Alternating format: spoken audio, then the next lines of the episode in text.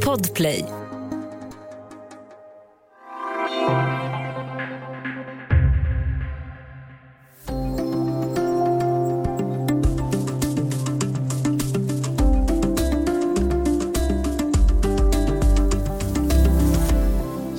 Kärnkraften har fått nytt liv som politiskt sprängstoff.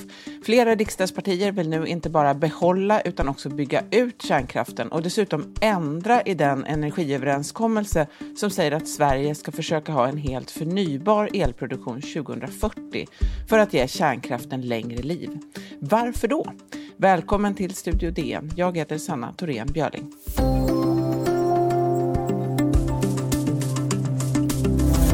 folkomröstning var i praktiken den enda möjligheten att äntligen få besked. Ja, det var den dåvarande statsministern Olof Palme.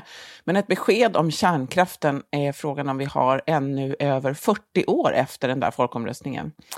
Ett 30-tal länder i världen har kärnkraft idag i Sverige står den för omkring en 30 procent av vår elförsörjning. Enligt energiöverenskommelsen som slöts mellan fem riksdagspartier 2016 förbjöds inte kärnkraften, men i praktiken skulle den behöva fasas ut till 2040.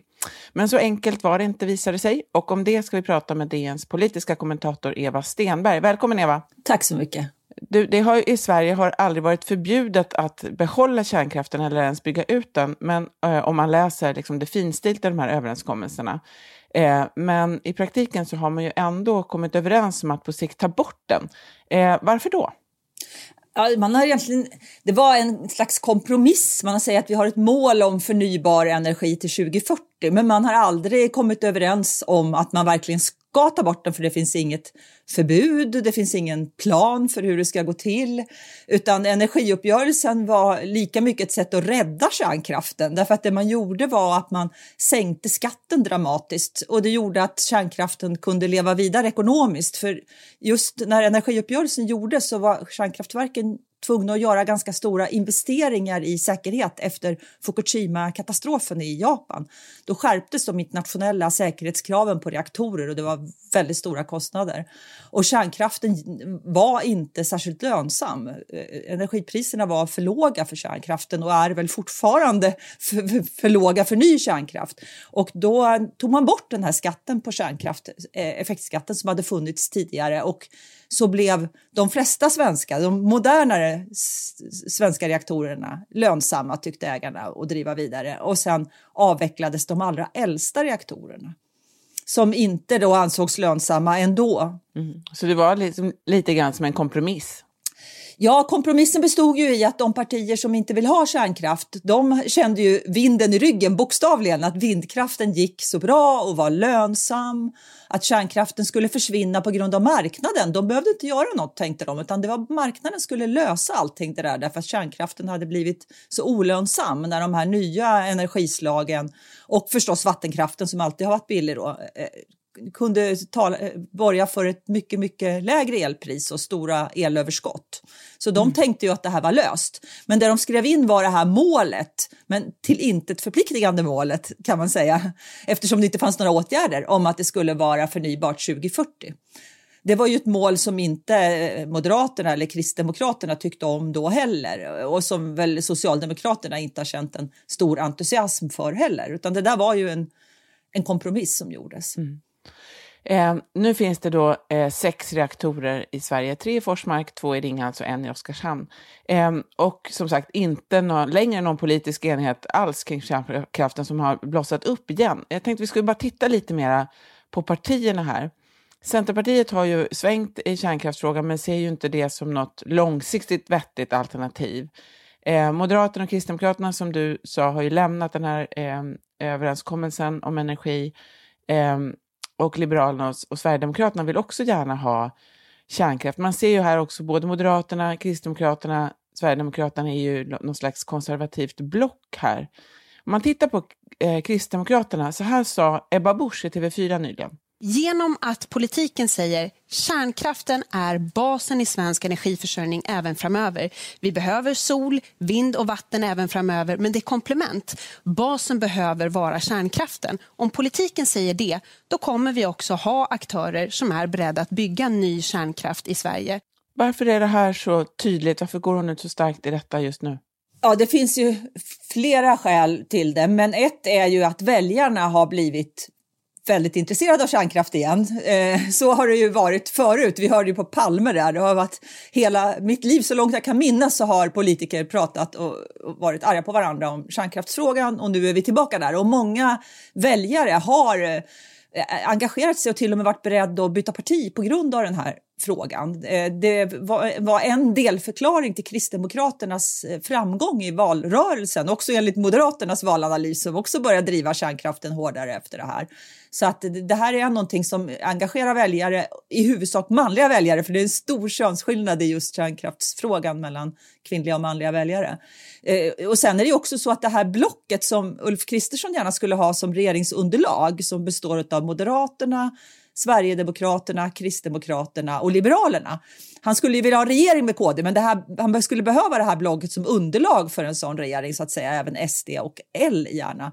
De förenas ju i den här frågan, så här kan de vara överens i att de vill ha ett mål om fossilfri el, alltså där kärnkraften får plats. Det målet är de överens om. Men sen om man börjar hacka sig ner i detaljer, då är de inte så överens längre. Men, men på ytan är de överens. Vad är det som skiljer de här borgerliga partierna då? Jo, Kristdemokraterna eh, har ju sagt att de vill bygga ny kärnkraft eh, och eh, det kostar väldigt mycket pengar. Moderaterna har inte sagt det. Eh, det vi ser runt om i världen är att antingen så är det väldigt dyrt. I Finland eh, är deras eh, kärnkraftverk Oikeluoto eh, eh, världens näst dyraste byggnad. I alla fall var den det för ett par år sedan. Det finns något hotell i Mecka som är, är dyrare. Och eh, budgeten har formligen sprängts. Det skulle ha kostat 3,5 miljard euro och nu blir det 8,5 miljarder euro istället. Och det är jättemånga år försenat. Eh, och, och detsamma gäller Hinkley Point i Storbritannien och Flamanville i, i Frankrike. Eh, det har blivit jättemycket försenat och jättemycket fördyrat de byggena som har gjorts och aktörer har hoppat av.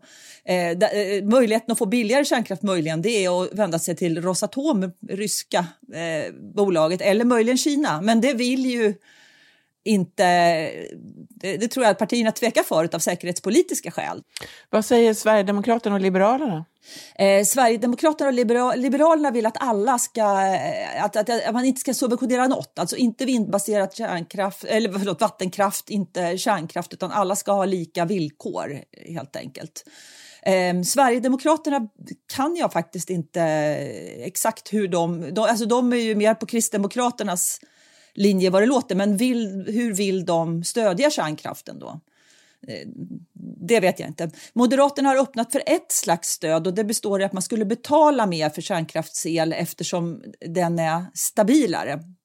Eh, I alla fall så länge reaktorerna är igång så är det ju en helt väderoberoende energikälla som tickar och går medan vindkraften ju då är beroende av vad det är för väderlek ute. Och för att energisystemet bygger på en viss stabilitet och då så resonerar alla de här fyra partierna till höger då om att just kärnkraften kan ge den här stabiliteten, vilket ju så är det ju. Den är stabilare tillsammans med vattenkraften som också kan användas eftersom man just samlar vatten i magasin. Den kan man också reglera så att man får en stabil då. Men, men det går ju inte på samma sätt med, med sol och vind. Nej, just det. Så man ser en viss, ehm, eh, vad ska man säga, en viss, lite friktion inom det borgerliga blocket men ändå enighet kring kärnkraften. Ja fram, ja, fram till dess att notan kommer, då kanske inte den där enheten är lika stor, i alla fall inte i dagsläget. Moderaterna tänker att det, om man forskar så kanske det kan komma fram små billiga kärnreaktorer så man kan ha många små kärnkraftverk istället. Och det vet vi ju inte någonting om notan för, men de kärnkraftverk man kan se idag byggas de har en nota som jag inte tror så många finansministrar skulle vilja samla ihop pengar till. Vi ska alldeles strax tala mer om kärnkraften.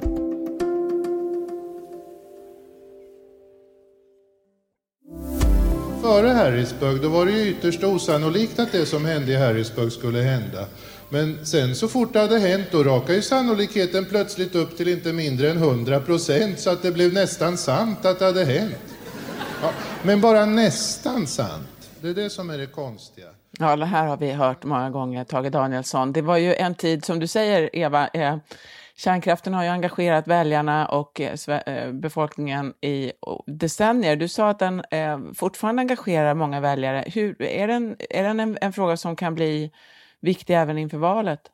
Ja, eh, Sören Holmberg, professor i statsvetenskap som ju har kommenterat svenska valrörelser i jag vet inte, 40 års tid åtminstone. Han eh, skrev nyligen om kärnkraften och påminde om att i valet 76 så var det kärnkraften som var med och fällde regeringen Palme och så frågade han kommer kärnkraften att vara med och fälla regeringen Löfven 2022? Därför att man ser en sån tydlig rörelse i opinionen nu, från att den nästan har varit insomnad, där den, opinionen blir mer kärnkraftspositiv, även om det fortfarande är de i majoritet som vill avveckla. Men man såg ju en tydlig effekt, det har man sett utav, utav Fukushima, precis som man tidigare såg av Tjernobyl. Man ser eh, att den effekten nu har klingat av. Så nu är det 37 procent av väljarna som säger att de vill använda kärnkraften och kunna ersätta reaktorer, bygga nya reaktorer. 43 procent vill istället avveckla kärnkraften. Mm. Det här handlar ju också om elförsörjningen då för Sverige, eh, i Sverige. Det har ju varit elbrist i vinter och pratats mycket om med en elektrifiering av samhället då för att komma bort ifrån vanlig förbränning så kommer ju elbehovet att, att vara enormt stort och kärnkraftverk producerar, som du var inne på, väldigt mycket el. Eh, hur skulle Sverige klara en avveckling överhuvudtaget?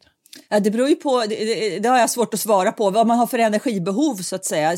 Som det är idag så har ju Sverige ett, ett stort rekordstort tror jag att det är, elöverskott. Vi exporterar väldigt mycket el. Men det finns ju några få dagar då Sverige också importerar därför att det är kallt och det inte räcker till. Så att, och dessutom är det så att elen produceras ju inte jämnt över landet. Den produceras i norr och konsumeras mer i söder och elnäten är inte utbyggda tillräckligt mycket för att, att klara av det här så att det finns stora problem med det svenska elsystemet.